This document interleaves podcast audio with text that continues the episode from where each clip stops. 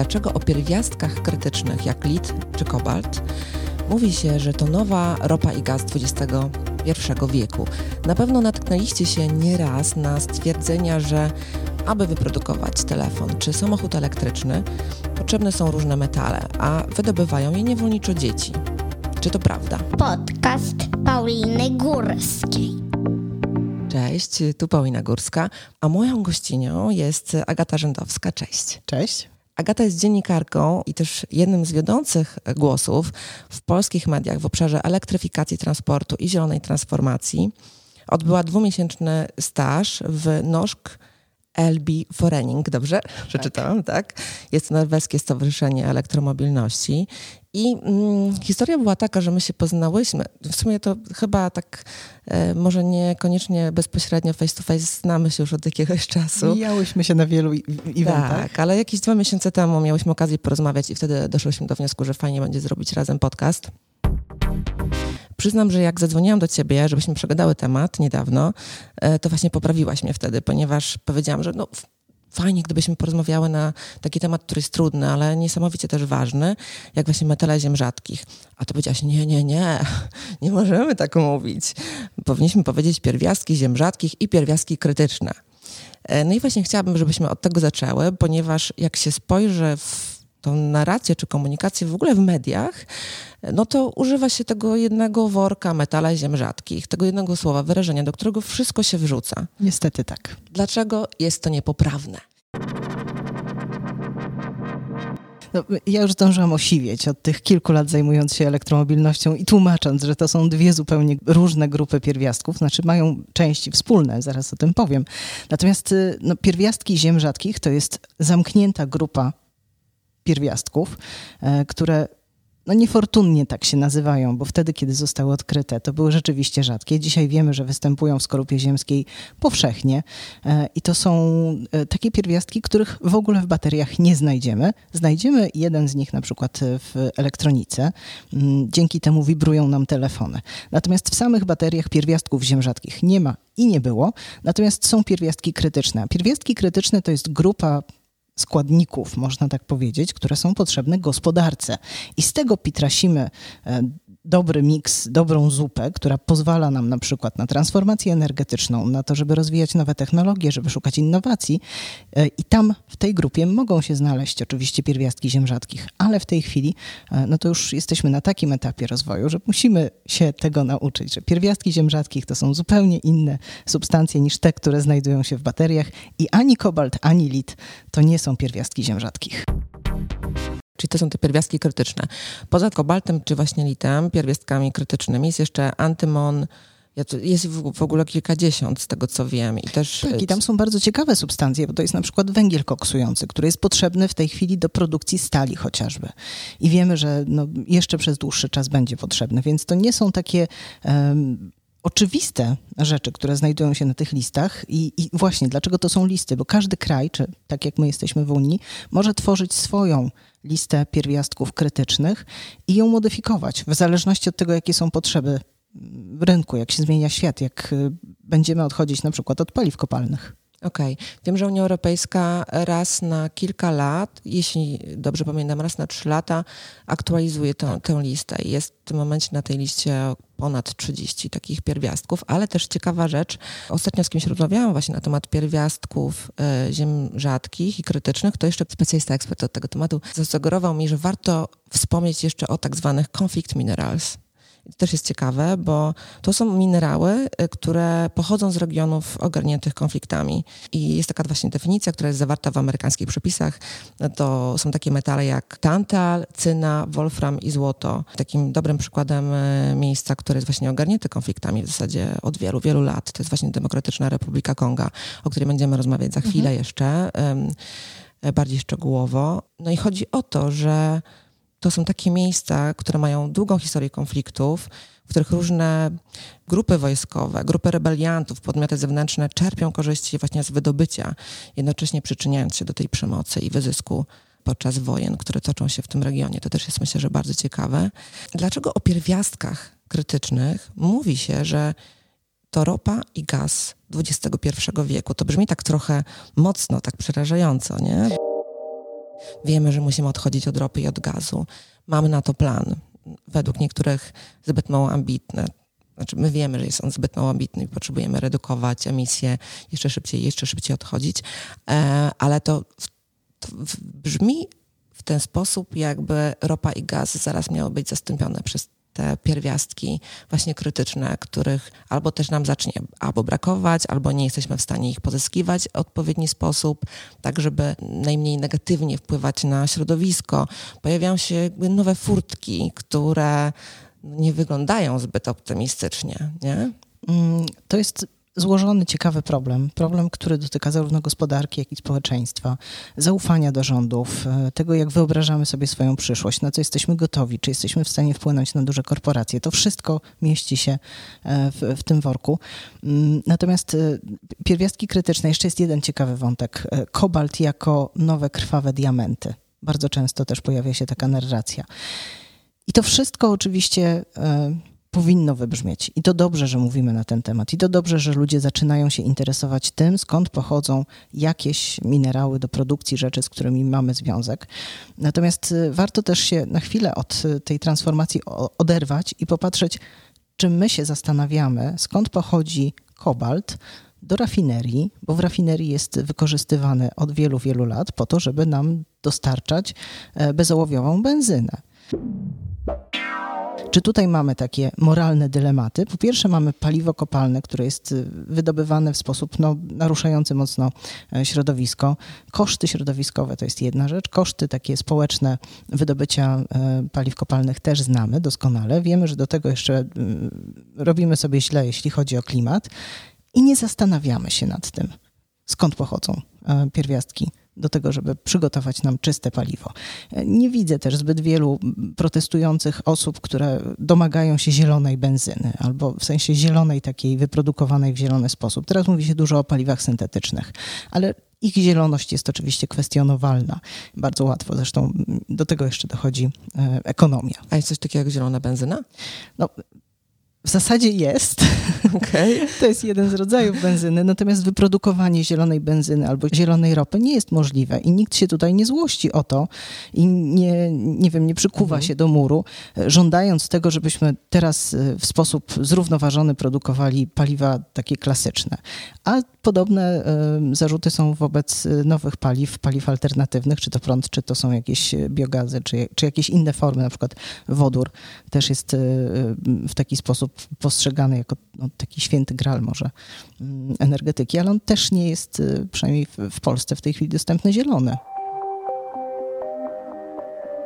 Zadajesz takie pytanie związane z tym, czy jak pozyskujemy pierwiastki krytyczne, to, że pojawia się dosyć dużo narracji, wokół tego tematu, związane, które są związane z tym, że wiem, żeby pozyskać jakieś pierwiastek krytyczny, to potrzebujemy bardzo dużego takiego wysiłku środowiskowego, no bo musimy skądś to pozyskać, musimy to potem jakoś przetworzyć.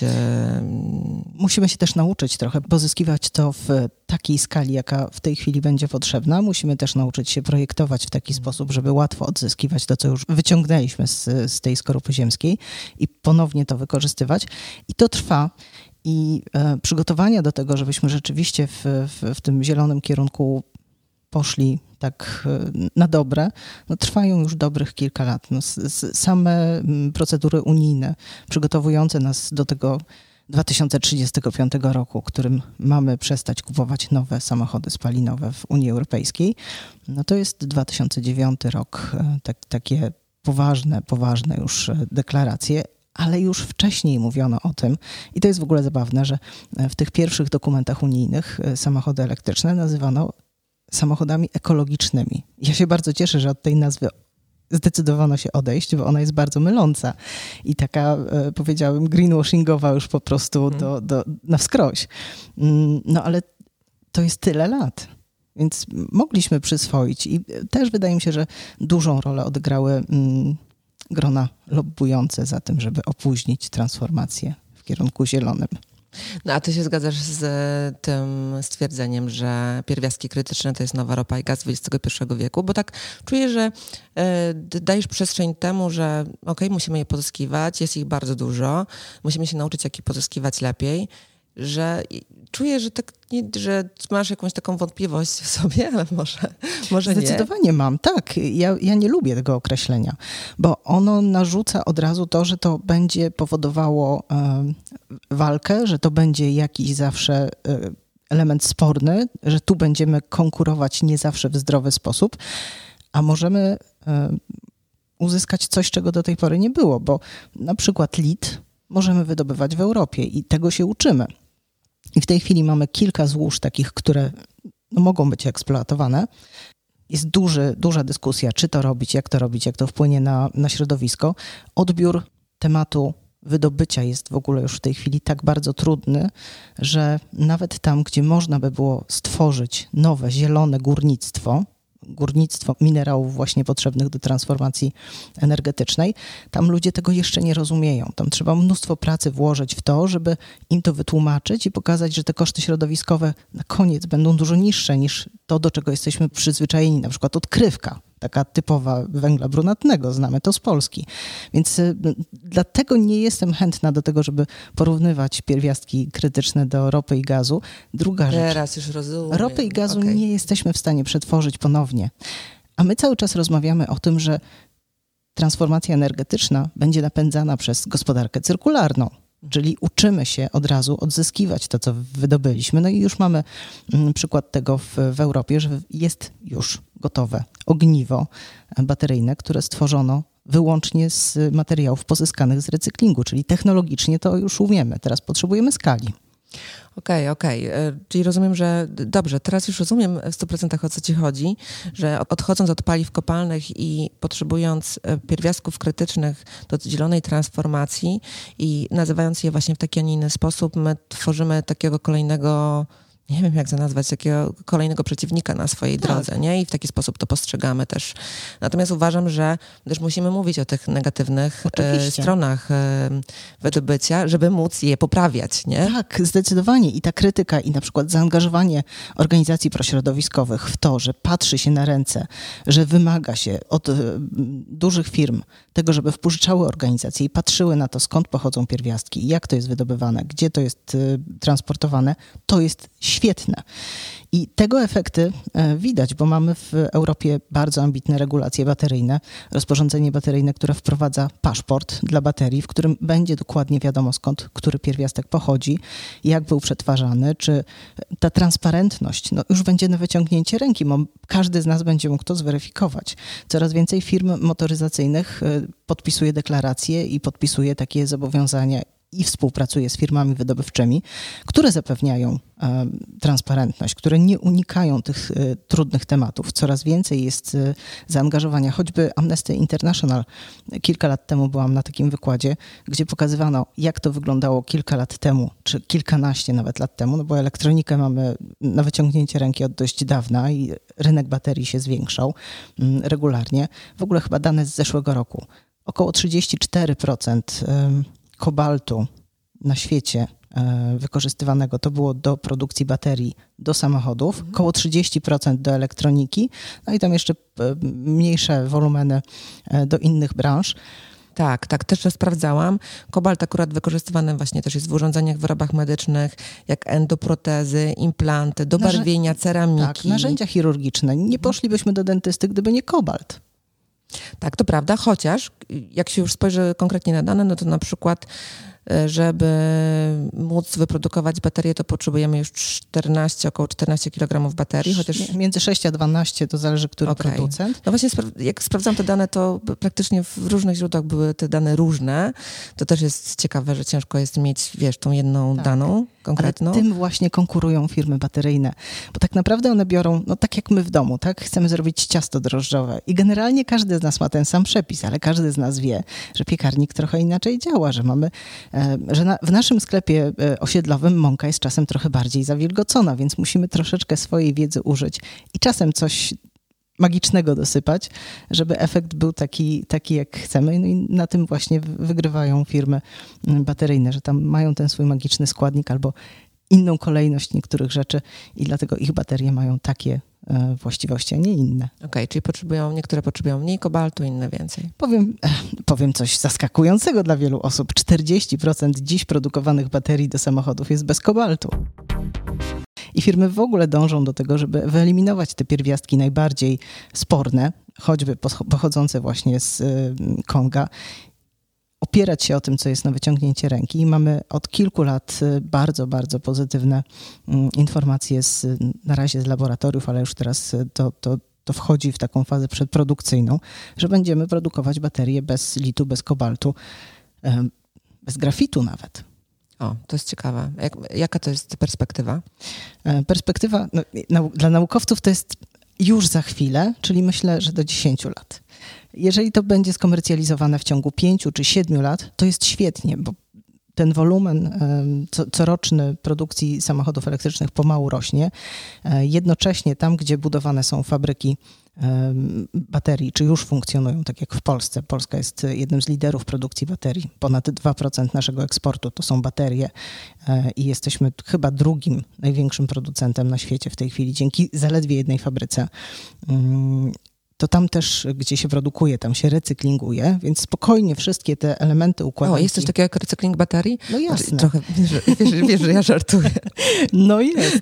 I w Polsce będą trzy duże zakłady. To ja muszę codziennie odpowiadać na to pytanie ja w swoich social mediach. Tak. Ej, Paulina, po co piszesz o samochodach elektrycznych, skoro nie ma recyklingu baterii? Jest. Ja za każdym razem odpisuję, jest, jest, bo jest to, to, to i to. I potem znowu codziennie. I następnego tak. dnia znowu pytanie od kogoś no, no, innego. Skoro wyprodukowaliśmy już w Europie to ogniwo z tych z recyklingowanych baterii, no to tak, jest. I jest to możliwe. Jest y, trudne ekonomicznie, bo mamy mało baterii wciąż, bo baterie dostają drugie życie na przykład w magazynach energii, są naprawiane też, więc ich żywotność jest dość duża i, i tak naprawdę często nie ma z czym pracować. Na przykład był taki szokujący, absolutnie pokazujący nagą prawdę na temat elektromobilności artykuł e, kilka lat temu dotyczący Norwegii, że tam nikt nie chce tych e, zużytych, zepsutych baterii, które są wymontowane z samochodów powypadkowych czy tam po kolizjach i one, wyobraź sobie, leżą na półkach. To świetnie, że leżą. Przecież się nie zestarzeją, tak? Zbudują tam zakład. Norwegia masę pieniędzy inwestuje w to, żeby produkować i recyklingować baterie. Zrecyklinguje się. W czym problem? Czyli rozumiem, że baterie były traktowane jako coś, co może się, nie wiem, co może stracić swój termin przydatności. Tak, bo my też często patrzymy na te baterie, które są w samochodach, czy które mamy w telefonach, przez pryzmat baterii ołowiowych, tych niskonapięciowych z samochodów, że coś wycieknie, że coś tam się stanie, że kwasowe, że no, masa różnych rzeczy, o których wiemy, że się kiedyś wydarzała. Mm, jeśli chodzi w ogóle o, o recykling tych niskonapięciowych akumulatorów z samochodów, jesteśmy świetni i potrafimy to, mamy to rozpykane naprawdę e, bardzo dobrze i, i dużo zbieramy. Więc e, no, tutaj spodziewamy się dokładnie tego samego. No, po co wyrzucać dobre rzeczy do lasu? Ja wiem, że u, u nas to jest e, no, takie kontrowersyjne powiedzenie, ale no po prostu te baterie się przydadzą. Tak, z drugim dnem. Lepszy klimat.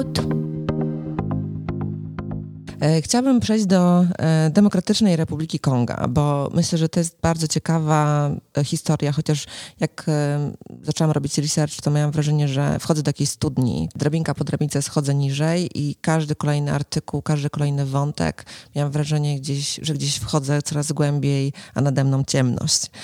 Nie wiem skąd ta metafora spontaniczna, ale naprawdę tak się czułam. No i tym punktem odniesienia, czy, czy może bardziej punktem wyjścia jest no właśnie to, czy w moim samochodzie elektrycznym do produkcji baterii użyto albo na przykład w tym telefonie, który nas nagrywa, e, użyto e, kobaltu, który był wydobywany przez dzieci. I bym chciała, żebyśmy spróbowały sobie odpowiedzieć na to pytanie, czy my w ogóle jako użytkownicy samochodu elektrycznego, czy różnego rodzaju produktów, jak już wiemy, kobalt, kobalt to nie tylko są samochody elektryczne. Wszystko, co ma baterię. Tak, dokładnie, wszystko, co ma baterię. No to czy to stwierdzenie, które gdzieś już jest, myślę, że dosyć mocno powszechne, faktycznie jest prawdą, czy my, jak możemy w ogóle to sprawdzić. I no właśnie, Demokratyczna Republika Konga, kraj, który jest krajem rozwijający się, rozwijającym się. Który przewrotnie nazwano demokratycznym. Tak.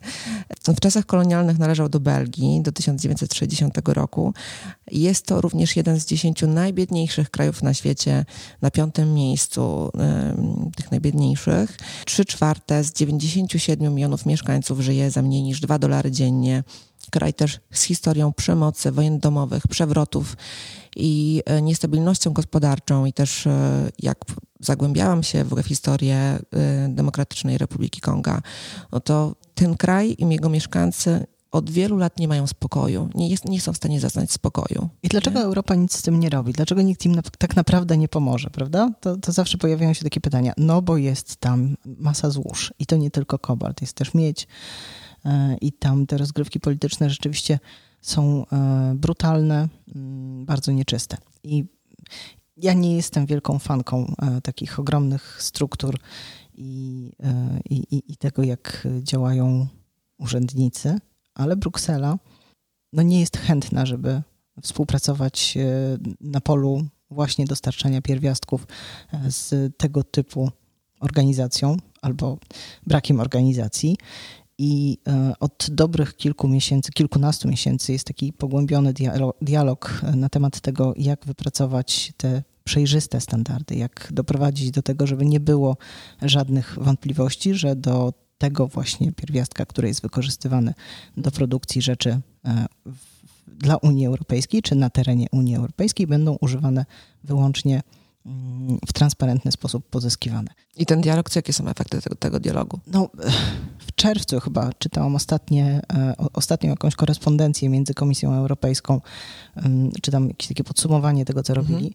No, naciskają na tyle mocno, że chyba to się uda. No i zresztą mamy to rozporządzenie bateryjne, mamy też deklaracje ze strony e, Stanów Zjednoczonych, mamy też e, zapewnienia i analizy. Nawet mam tutaj taką ściągawkę, bo to nie tylko o kobalt chodziło Miedź jeszcze, bo złoża kobaltu najczęściej towarzyszą e, tak, miedzi. Okazji. Właśnie. E, kobalt, lit, mangan, grafit i nikiel to było pięć pierwiastków, którym się przyglądała Komisja Europejska i właśnie na nich się skupiono, jak je pozyskiwać w sposób transparentny.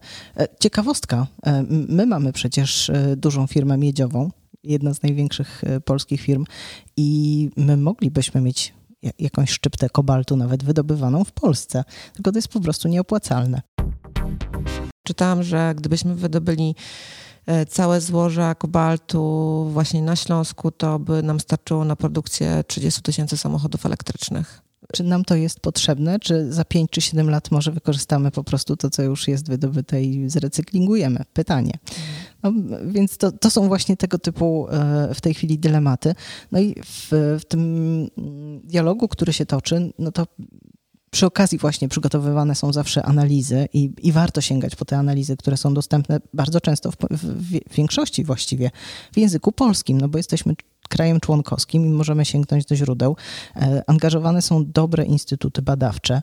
Mm, nie ma tam bardzo często nawet grama pieniędzy prywatnych, więc to też e, daje trochę inne możliwości i nie ma posądzenia o to, że, że to jest sponsorowane. Więc e, no, ja jestem naprawdę dobrej myśli, e, że dogadamy się, a zanim się dogadamy, to już roz, rozwiniemy na tyle te technologie e, recyklingu, że, że, że po prostu częściowo zrezygnujemy z tego. I e, taka wyliczanka była mm, w jednym z takich właśnie z raportów przygotowanych parę lat temu. Do 2024 roku moce produkcyjne tutaj na terenie Europy w kwestii produkcji baterii powinny być zaspokojone w około 70%, w 2030 90%. Więc jeżeli dobrze zbudujemy ten e, łańcuch, który ma nam dostarczać i dobrze zamkniemy to w obiegu zamkniętym, no to to problem Konga częściowo się sam rozwiąże. To znaczy Kongo... Przynajmniej w Unii Europejskiej. Tak, ale poza nią też, bo no, Stany Zjednoczone, które wkroczyły dzięki y, aktowi antyinflacyjnemu bardzo silnie na tę zieloną ścieżkę dzięki e, działaniom mm, rządu Bidena, no też nie mogą sobie pozwolić na to, żeby e, kupować. Zresztą oni chcą opierać się o to, co, co mają na miejscu. Oni są bardzo zdeterminowani do tego, żeby e, zielona gospodarka to była ich gospodarka, ich miejsca pracy, ich wydobycie. Tam są nieprawdopodobnie duże pieniądze w tej chwili inwestowane. Chiny też nie, nie, nie będą tak bardzo odstawać.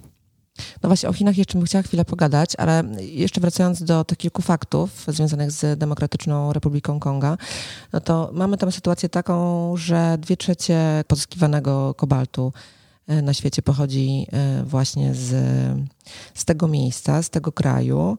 A też coś ciekawe, od między 15 a 30% kobaltu z Demokratycznej Republiki Konga pochodzi z takich nieformalnych lub rzemieślniczych kopalni. Chociaż tam słowo rzemieślnicza się trochę inaczej kojarzy pozytywnie, ale chyba tutaj nie do końca. I kobalt wtedy wydobywany jest w tak zwanych biedaszybach przez całe rodziny. Zebrany kobalt jest umieszczany w takich jutowych workach, sprzedawany chińskim handlarzom w lokalnych społecznościach. I tak jak czytałam, skład tego kobaltu bywa, znaczy jest identyczny z tym, który jest wydobywany w takich bardziej zmechanizowanych kopalniach, które są bardziej też kontrolowane i oba strumienie minerałów są mieszane, więc y, jeśli potem to jest wysłane do Chin w celu rafinacji i sprzedawane producentom baterii na całym świecie, to w zasadzie trudno jest powiedzieć, skąd ten kobalt pochodzi, jak... jakie, jakie jest właśnie jego, jego pochodzenie. I druga rzecz, która też jest niezwykle istotna, no to sprawdzałam, czy ta praca dzieci, o której tak dużo się mówi y, w sieci, i to wiesz, też my możemy sobie obserwować bardzo różne formy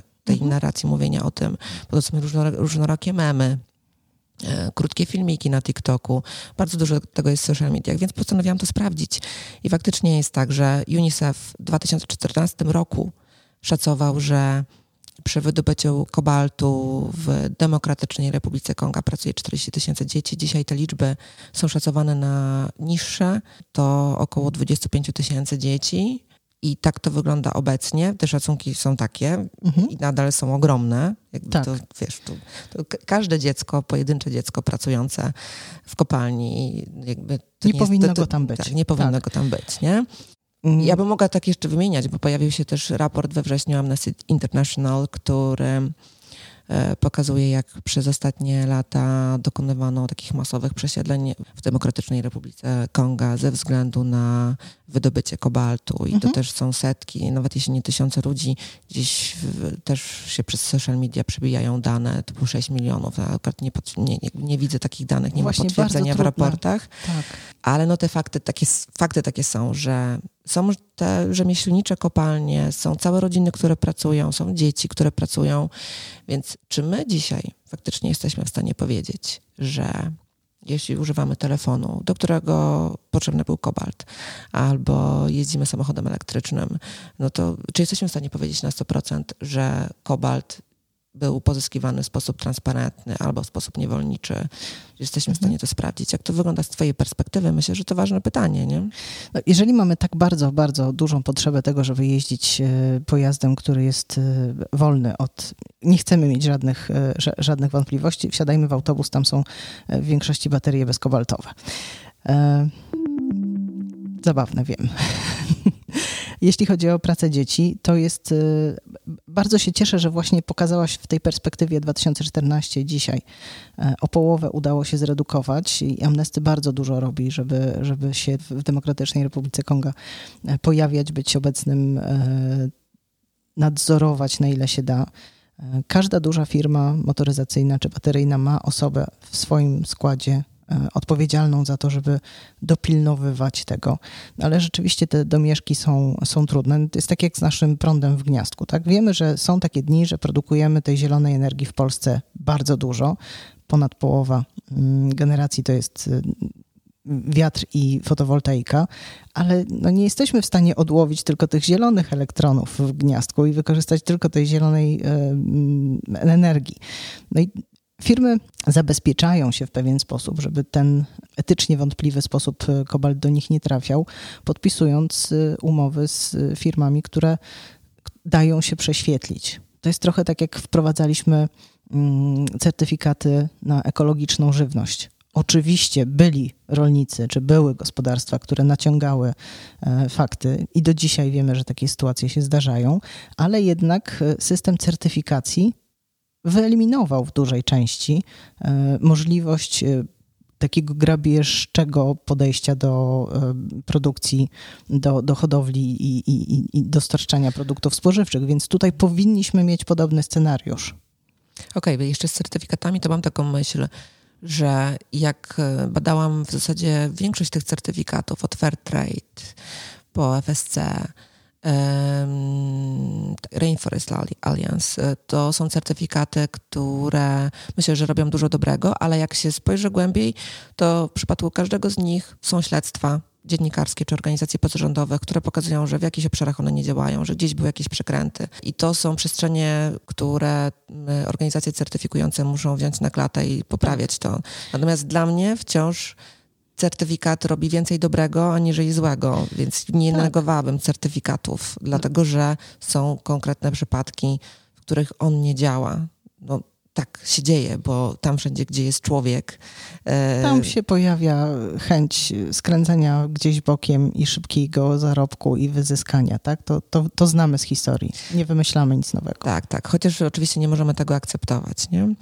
E... Jeszcze do tej niewolniczej pracy bym chciała wrócić, bo my mówimy teraz o kraju, który nam się kojarzy bardzo konkretnie, biednie, e, że niesprawiedliwość i tak dalej. Ale mamy problem z, z tematem właśnie i z chęcią e, zatrudniania dzieci w przemyśle, nowoczesnym przemyśle w Stanach Zjednoczonych. I tu jakby mniej osób widzi i się obrusza, że, że jak to. Może się za chwilę okazać, że kilkunastoletnie dzieci będą zatrudniane na przykład e, w branżach, które są bardzo niebezpieczne, na przykład w ubojniach.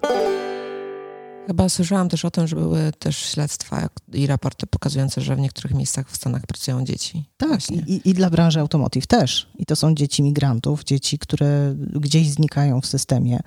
I to mogą być dużo większe. E, jakby mówimy tutaj już o, o takiej skali, że, że będzie większe niż e, dzieci zatrudnione w Kongo. Więc tych miejsc, gdzie wyzyskuje się dzieci, no nie jest tak mało i e, dobrze, że się na tym e, dzisiaj koncentrujemy, bo koncentrujemy się na zielonych technologiach, ale pamiętajmy, że no, to nie jest jedyne miejsce. Mhm. Czy, czy, czy ty masz takie poczucie, że dzisiaj faktycznie firma jest w stanie, która produkuje baterie, produkuje samochód elektryczny, czy telefon jest w stanie udowodnić, że e, pierwiastki, które pozyskała do produkcji baterii, albo może pewnie baterie, produkcji baterii komuś zleca, że jest w stanie udowodnić, że nie została tam wykorzystana niewolnicza praca nie dorosłych czy dzieci? Chcę w to wierzyć. E, chcę wierzyć w to, że rzeczywiście firmy motoryzacyjne i firmy produkujące baterie, które deklarują, rzeczywiście to robią.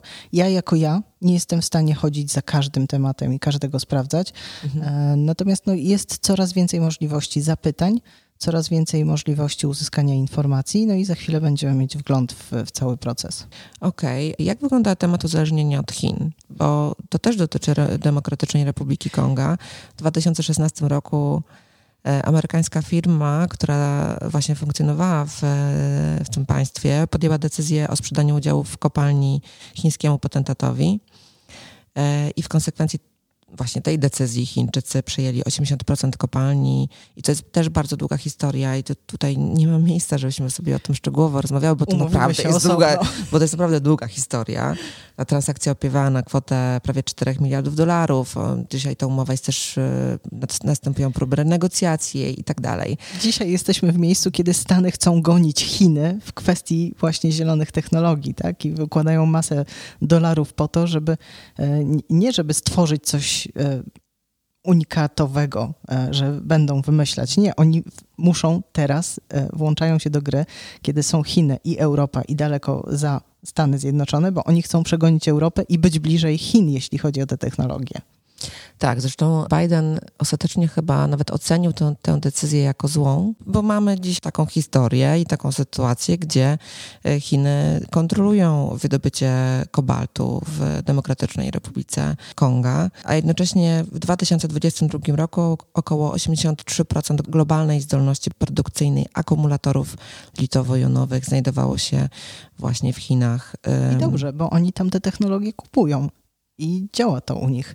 E, my też nie powinniśmy straszyć Chinami, wydaje mi się, w tej chwili. Chociaż oczywiście, jak Sylwia Czubkowska napisała, Chińczycy trzymają nas mocno. Wiem, polecam książkę. E, no je, jeśli ktoś nie czytał, jeśli nie zdaje sobie sprawy z tych różnych powiązań, warto.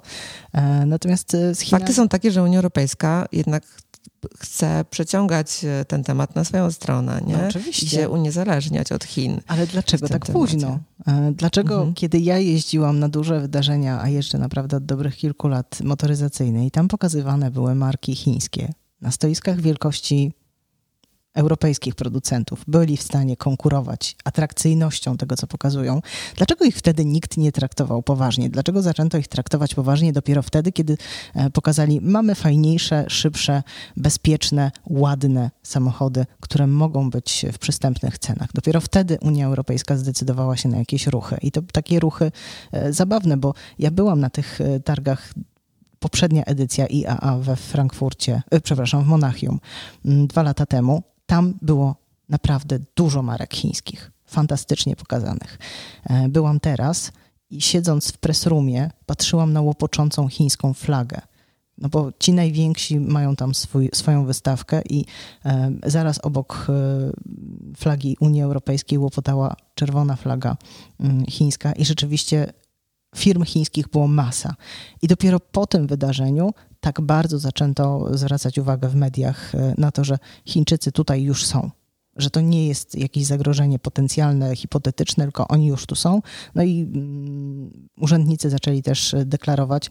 Myślę, że część tych deklaracji to jest trochę polityka przedwyborcza, bo pamiętajmy, że w przyszłym roku czekają nas wybory do Europarlamentu. Ale z Chinami jest tak, że to oni sobie wymyślili, że skoro nie udało im się w zwykłej motoryzacji, e, że muszą zrobić porządek e, w swoim kraju, bo im po prostu ludzie umierają dlatego, że jest takie zanieczyszczone powietrze, no to będą cisnąć elektromobilność. I naprawdę cisną w tę elektromobilność od lat i robią to z powodzeniem. E, no mają inne uwarunkowania gospodarcze, tak? Tam jeżeli zaplanowano, to to się wykona to subsydia pójdą tak daleko, żeby stworzyć odpowiednie firmy, stworzyć odpowiednie warunki do tego i wszystkie ręce na pokład. Unia Europejska chciała zmian, ale nie, nie była tak zdeterminowana. No i też pamiętajmy, że tutaj mamy swoje lobby tradycyjnych producentów samochodów. Im się nie uśmiechało stawianie drugiej linii produkcyjnej obok, bo jak mają tutaj dobrze prosperującą z silnikami spalinowymi, to oni chcą z tego zarabiać, a nie chcą tutaj wydawać pieniędzy.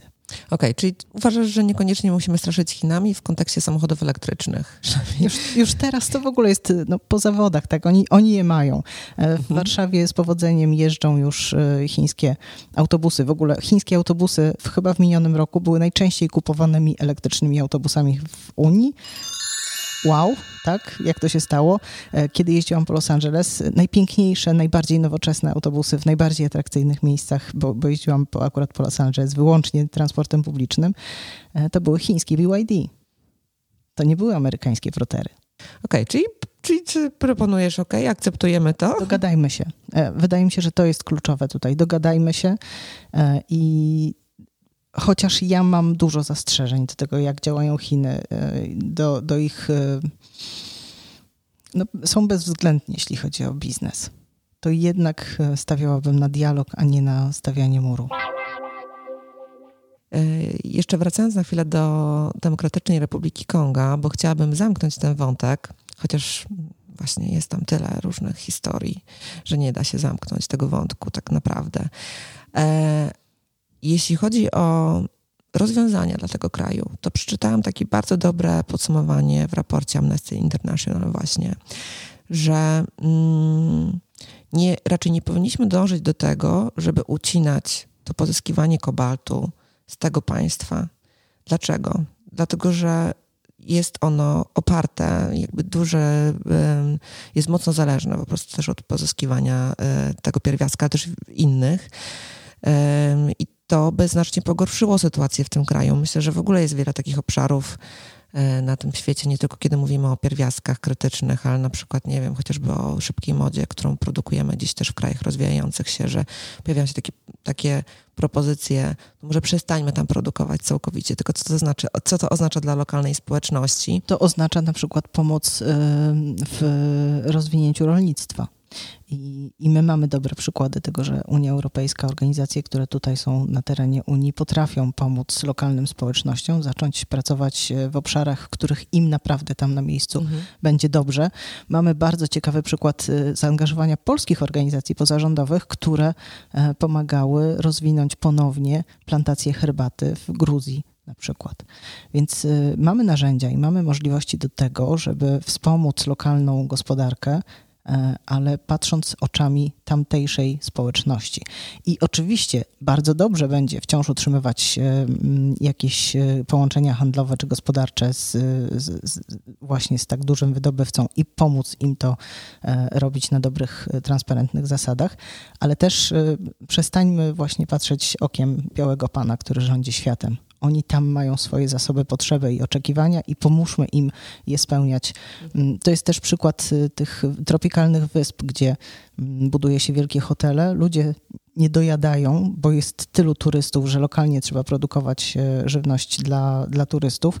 Gdyby tych turystów tam nie było, gdyby wyciągnąć do nich rękę mm, i, i pomóc im rozwijać się na przykład y, w taki sposób, żeby też nie dotykały ich e, skutki zmian klimatu. Taką mhm. dobrą adaptację im pomóc przeprowadzić. E, żyło, żyłoby im się naprawdę dobrze. Właśnie Amnesty International e, napisało coś takiego, że górnictwo rzemieślnicze nie powinno być zakazane. Należy je zreformować i uregulować tak, aby dorośli górnicy otrzymywali uczciwą zapłatę za swoją pracę, mogli pracować w bezpieczniejszych warunkach, co obejmuje zapewnienie im wszelkiego niezbędnego sprzętu ochronnego oraz odpowiedniego wsparcia technicznego i szkoleń. Ty też mówisz o tym, że wsparcie krajów rozwijających się w nowych obszarach albo w tych, które kiedyś historycznie były ważne. No, globalne południe jest dla nas w ogóle e, bardzo ciekawe. Od wielu lat e, dzieją się tam rzeczy niesamowite, niesamowicie dobre i niesamowicie złe czasem. Ale widzimy, że ta e, ta współpraca, ta, te możliwości pomocy rzeczywiście są. I coraz częściej, na przykład rozmawiając ze, ze znajomymi, którzy działają gdzieś tam na świecie, w, w różnego typu organizacjach, oni mówią, że kraje Afryki, rządy krajów Afryki coraz chętniej zapraszają do, do rozmów e, trójstronnych czy jakichś wielostronnych, po to, żeby nie stać się śmietnikiem dla Europy czy dla reszty świata. Też mają o kogo zadbać. I oczywiście wzrost gospodarczy dla nich jest bardzo ważny i to, żeby zapewnić ludziom taki dobrostan, do którego my też tutaj w, w Europie dążymy, ale nie za wszelką cenę. Oni chcą też być w tym zielonym nurcie. Czy kobalt może się skończyć? Albo w ogóle pierwiastki krytyczne, czy mogą nam się skończyć? Teoretycznie wszystko się może skończyć. No, może być tak, że będzie coraz trudniej to wydobywać. E, takich alarmistycznych tekstów o tym, że zaraz zabraknie nam w ogóle i nie wyprodukujemy już żadnej baterii po 2040 roku, to pewnie czytałaś też tak, niemało. Dużo tego jest w sieci. Nie, no, tak nie będzie. No, mamy na przykład bardzo ciekawą e, w tej chwili sytuację w Szwecji. Mówiłaś o wysiedleniach. O, Kiruna jest świetnym przykładem, szwedzka. Tam jest, e, tam jest jakiś depozyt pierwiastków e, krytycznych, które są nam tutaj w Europie potrzebne. Tam w ogóle już jest e, duże wydobycie i lokalna społeczność wie, że od tego zależy ich przyszłość. To znaczy, jeśli nie będą rozwijać e, te, tego segmentu, to po prostu miasteczko umrze, bo nie będzie tam nic ciekawego gospodarczo, ludzie nie będą mieli pracy. I Kiruńczycy muszą się poprzeprowadzać. W tej chwili rozbierane są piękne bloki, dobre bloki, po to, żeby rozwinąć właśnie ten obszar wydobycia. I oni mówią, że no, no tak, no poświęcamy coś. E, ci, którzy wynajmują mieszkania, to będą mieli zagwarantowane gdzie indziej. Będzie prze, przestawiany przepiękny drewniany kościół, jedna z pereł w ogóle mm, architektury szwedzkiej. E, w całości trzeba go będzie przenieść, e, no bo rozbudowuje się to wydobycie. No i można to zrobić w taki sposób. Mieszkańcy się na to godzą. Tak, bo się z nimi o tym rozmawia, bo oni też rozumieją te, te procesy i wiedzą, że od tego zależy przyszłość ich regionu. Też czytałam o wydobyciu różnych pierwiastków krytycznych. Nie znalazłam takich stwierdzeń gdziekolwiek w źródłach naukowych czy takich poważnych dziennikarskich, które mówiłyby o tym, że one nam się skończą, tak realnie, że mogą nam się skończyć. My nawet nie znamy, nie mamy takich tak. stuprocentowych tak. danych e, i nie wiemy, ile ich mamy w ogóle. No ich te, też jesteśmy otoczeni nimi, jesteśmy, jest ich bardzo dużo na całym świecie. Lit jest w Serbii, lit jest w Portugalii i to są takie złoża, o których wiemy i o, o których myślano, że będziemy je pewnie w jakiś sposób eksploatować. Lit mamy w geotermii w Niemczech. Jakieś złoża są na pewno pod e, wodą. Oczywiście i tutaj Chińczycy mogą nas znowu wyprzedzić. Okej, okay, czyli mamy jeszcze, jeśli chodzi o rozwiązania, bo bym chciała zakończyć mhm. trochę jednak czymś, czymś takim pozytywnym. Mamy baterię bez kobaltu. Tak. I w ogóle taką, takie ciśnienie obieg zamknięty. firm. Tak, mamy, mamy obieg zamknięty i na tym też są twoim zdaniem sfokusowane dosyć mocno firmy. Tak? Oceniasz Regulacje. faktycznie mocno, no tak, regulacje. regulacje. Regulacje to wymuszają, nie? Tak, y, liczenie śladu węglowego, transparentność i to, że to ma być poddawane recyklingowi, to już y, nam powoduje duże zmiany. I te zmiany już y, wkroczyły na rynek, bo pierwsze baterie stosowane w Tesli były projektowane no, nie z myślą o recyklingu i one były trudne do przetwarzania, a w tej chwili wszyscy dążą do tego, żeby było jak najłatwiej i najtaniej. Zaciekawiło mnie też z tego, co mówiłaś wcześniej, to stwierdzenie właśnie, że dzisiaj nie możemy powiedzieć o samochodzie elektrycznym, że jest ekologiczny. I że cieszysz się, że już nie mówimy. Tak, no właściwie o niczym nie jesteśmy w stanie powiedzieć, że nawet my jako ludzie nie jesteśmy zbyt ekologiczni sami w sobie. Chyba ty. Nie No, żartuję. Ja też nie jestem w 100% ekologiczna, no. staram się, ale e, no nie, na pewno nie zawsze mi wychodzi przy tym trybie życia, jaki mam. Musiałabym mieszkać sobie na wsi i tam Nawet tam będzie trudno. Myślę, że Bo tak. nie będziesz w stanie pewnie jeszcze być w 100% y, niezależna energetycznie, nie będziesz off-grid, a nawet jak będziesz off-grid, to będziesz musiała mieć jakąś, y, jakiś magazyn energii chociażby. Jak Twoim zdaniem rysuje się przyszłość na przestrzeni kolejnych 10-20 lat, jeśli chodzi o wykorzystanie tych pierwiastków krytycznych do zielonej transformacji? Które są Twoim zdaniem te główne kierunki, jakie obierzemy? Jeśli chodzi o biznes, wydobycie, w, którym, w którą stronę pójdziemy? Może inaczej, w którą stronę nawet powinniśmy pójść, Twoim zdaniem? W zeszłym tygodniu chyba pojawiła się informacja, że Nordvolt, y, czyli europejska firma bateryjna, y, wyprodukował już ogniwo, muszę zerknąć, sodowo-jonowe, żeby się upewnić. Co to oznacza w rzeczywistości? Co to oznacza w rzeczywistości? Że będziemy w stanie ją produkować na bazie pierwiastków dostępnych e, w Europie chociażby. To, co powiedziałam, 40% dzisiejszej produkcji baterii do samochodów, do pojazdów elektrycznych to już są e, baterie bezkobaltowe, czyli my już się tego trochę nauczyliśmy. Szukamy najtańszych rozwiązań. One muszą wybrzmieć, one muszą zostać dobrze przetestowane, dlatego że no, nie można sobie pozwolić na to, że na, na rynek trafią produkty, które będą w jakiś sposób niebezpieczne. Dlatego wypuszczenie nowej baterii, nowych ogniw to jest y, kilkanaście czasem lat pracy, ale potem y, no, to już działa. Mm, Zatem 10 lat y, to będzie naprawdę bardzo, bardzo ciekawy czas do obserwowania. Będziemy widzieli nowe technologie, część z nich pewnie odpadnie, część będzie takim pomostem pomiędzy tym, czego jeszcze w ogóle nie potrafimy, a co się pojawi pewnie za 20 lat. I, to jest y, super y, z perspektywy no, choćby nowych pokoleń, tak? jak oni się będą uczyć, jakie będą potrzebne im kompetencje. Mm, Za chwilę będziemy mieć y, taki Living Lab w Norwegii, bo w 2025 roku tam przestaną być sprzedawane właściwie już samochody spalinowe nowe. Mm, 2035 Polska. W tym samym kierunku idziemy w transporcie ciężkim. Elektryczne ciężarówki to jest e, temat na topie. W przestworzach i na morzach też to się dzieje. Co najważniejsze, zaczyna nam się zazieleniać produkcja, czyli produkcja stali czy mm, jakiś taki przemysł ciężki też sobie zaczyna nieźle radzić w redukowaniu emisji, więc to będzie naprawdę ciekawy czas. Agata, bardzo Ci dziękuję za tę rozmowę. Dziękuję. Ja myślę, że tak, ja myślę, że się udało osiągnąć ten cel. Trochę rozłożenie na, na te czynniki pierwsze tego, z czym się dzisiaj mierzymy, kiedy mówimy o pierwiastkach krytycznych. W sumie Twoje zakończenie też wydaje się takie optymistyczne. Trochę, ja bym podsumowała to takim zdaniem, technologia nas uratuje. Wiadomo, że tak, nie, nadzieję. nie, wiadomo, że pewnie tak nie będzie do końca, ale myślę, że akurat w tym obszarze tutaj dużo ma do powiedzenia technologia. Tak, nie? której się musimy uczyć. Musimy otwierać oczy i ze zdziwienia i szukać, weryfikować i się uczyć. Wielkie dzięki za rozmowę. Dziękuję. Cześć. Lepszy klimat.